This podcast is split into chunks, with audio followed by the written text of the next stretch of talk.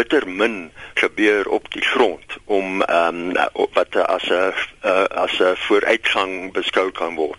En, en ons is besig om geld te mors aan uh, skemas soos gatrein en selfs bus snel vervoer uh, want um, hulle dien 'n baie beperkte gedeelte van die gemeenskap. En wat ons nodig het is om gewone busse, gewone treine en, en ek wil taksies hier insluit. Hulle moet almal as deel van 'n geïntegreerde stelsel aangebied word. En te veel of te min word in daardie rigting gedoen um, Anita Sê vir my, um, Dr. Monster, het jy enige idee oor hoekom die Ria Vaya busse so leeg is? Dit bekommer my eintlik baie want ek wil graag, daar's niemand wat meer uh, meer uh, lief is vir die idee van 'n baie vol bus wat sy rol speel in die gemeenskap.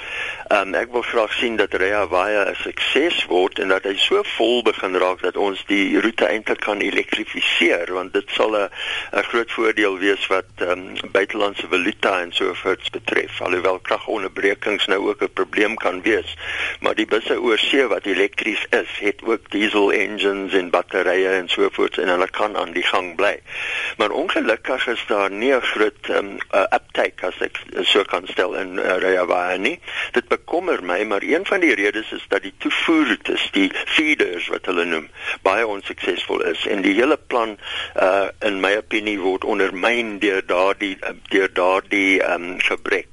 Dieselfde geld vir Gautrain se busdienste wat op sekere roetes redelik vol is, maar in ander gevalle dupliseer hulle die RT roetes en um, en hulle loop eintlik nêrens nie. En dit beteken die op oplossing daar is om elke bus, dit is nou gewone busse, ehm um, BRT busse, Gautrain se busse, uh die munisipale dienste en sovoorts met almal gekombineer word in een stelsel met een reisgeld, een kaartjie wat jy gebruik. Nou niks wat ek sê is nie nie. Dit word al vir jare bespreek, maar die verskonings hoekom hulle dit nie kan of wil doen nie, word nog aangevoer amper op 'n maandelikse basis uh, by verskillende ehm um, konferensies en so voorts. En ek verkwalik ehm um, 'n uh, sekere ehm um, instansies soos die universiteite wat nie genoeg uh, van 'n rol speel in hierdie storie nie.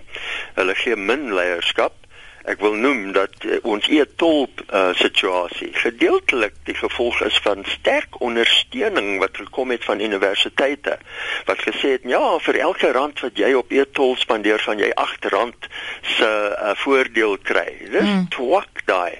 En ek ek ek verskuldig die universiteit se of ek uh, um verkwalik hulle want ek sê hulle is te naby aan regering. Hulle kry te veel geld van die regering af en dit ondermyn hulle um, afhanklikheid en hulle kom met verslae wat ondersteunend is ten opsigte van skemas wat eintlik bog is. Nou eh, dit dit pla my Anita en ek weet nie wat die gemeenskap hieroor gaan doen nie. Ons moet 'n plan maak. Ek wil terugkom na iets wat jy vroeër gesê het. Jy het gepraat van talle verskonings wat aangebied word. Soos wat?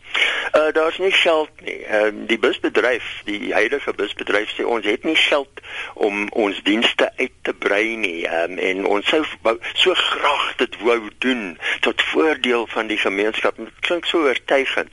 Maar as jy ek wil net nou 'n spesifieke voorbeeld noem. Elke oggend kwart voor 7 is daar 3 busse by Fairland polisiestasie. Hulle kom uit Soweto uit en dan gaan staan hulle, hulle is nou leeg. Hulle het nou hulle passasiers afgelewer.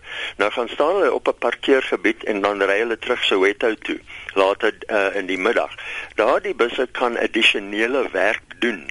Ehm um, hulle kan hulle kan mense wat in Fairland bly, ek wil nou die woord wit mense ehm um, probeer voorkom, maar daar het ek dit nou gesê.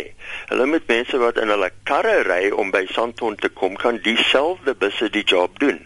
Uh, tussenin word 'n ander busie, 'n metrobus wat ek self gebruik, word uitgestuur om mense wat in Fairland bly te kom haal. Dis nou uit en uit 'n duplikasie. Nou ek kan hierdie duplikasies noem ehm um, uh, met 'n lang lys wat honderde busse uh, insluit. Ons kan daardie busse herindeel in 'n stelsel wat baie meer mense kan hanteer. En dit geld ook tot 'n mate met die minibus taxi bedryf. Ons hou daarvan om die taksies uh, jy weet uh, uit te jou en so voort, maar hulle het 'n potensiële rol wat gespeel kan word om mense uit karre te kry.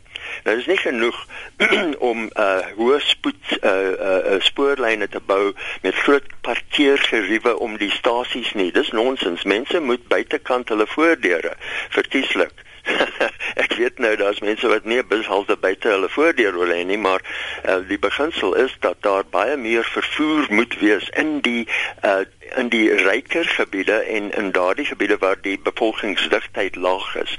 En daar kan 'n 'n kleiner voertuig soos 'n taxi 'n baie sterker rol speel. Maar Anita, as ons nie 'n plan maak met ons hoër brandstofpryse nie, die die verhoging van verlede week of nou die dag het uh, nog 6000 miljoen uit ons sakke gejaag. Hmm. En dit beteken minder geld, jy weet vir hemde en vir skoolgelde en vir kos en so voorts.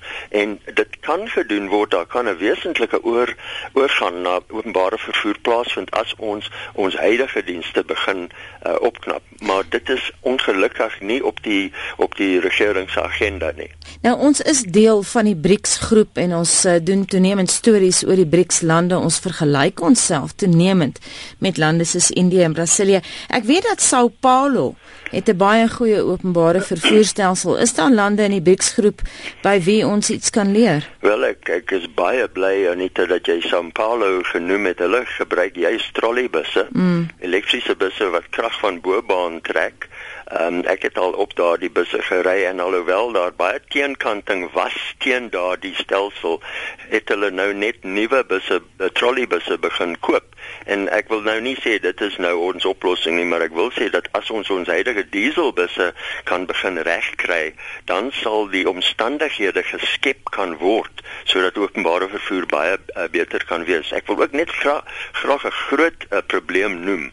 Ons sit nog met 'n apartheid um, oor erfsel waar die spoorlyn dis nou Metro Rail. Hy kry uh, so hoë subsidie wat hy ander alsyd in die ou dae gekry het dat hy kan bekostig om uh, tariewe aan te bied wat 'n kwart is van wat jy sou betaal as jy in 'n bus of in 'n taxi ry. Nou dit is nonsens. Hoe lank gaan daardie storie voortduur? Ons moet uh, die die finansiële reëling so tref dat almal dieselfde betaal om dieselfde afstand te ry wat uh, hoe ook al jy ry of dit nou 'n 15 sitter of 'n dubbeldekker of 'n trein is behoort jy dieselfde reisgeld te betaal tweedens behoort die dienste wat aangebied word dieselfde vlak te wees hoekom kry ons 'n bus elke minuut op BRT maar mense wat in Vosloorus uh, woon kry een bus in die oggend en een in die aand. En as hulle daardie bus mis is hulle in moeilikheid. En word aangevat deur die werkgewers wat sê ja jy het laat werk toe gekom. Uh, ek almal is deel van die probleem hier. Die gemeenskap die regering, die werkgewers, daar's nie die akademici. Ons uh, stel nie genoeg belang in werklike oplossings vir hierdie probleem nie, maar ons gaan seer kry as ons voortdurend hoër en hoër brandstofpryse moet betaal. Waar begin ons? Wel, ons moet begin met die regering. Verlede jaar het hy 'n 25 jaar plan uitgebring wat 160 busroetes noem Maar toe ek probeer daardie 160 busroetes identifiseer, was ek van Pilar na Pos gestuur en ek wag nog vir my antwoorde van Dr. Wadi. Hy is die MEC vir uh, transport in Gauteng en sy uh, groot meneer is soos meneer Jack van der Merwe wat baas is van die Gautrain Management Agency. Ek wag nog vir antwoorde van daardie twee here en ek sal graag van hulle wil hoor hoe hulle die busdienste gaan ehm um, gaan bedryf. En en dit sal 'n baie groot stap vorentoe wees. Baie dankie en dit was Dr. Won Mostert, hy se vervoer ekonom verbonde aan die Universiteit van Johannesburg.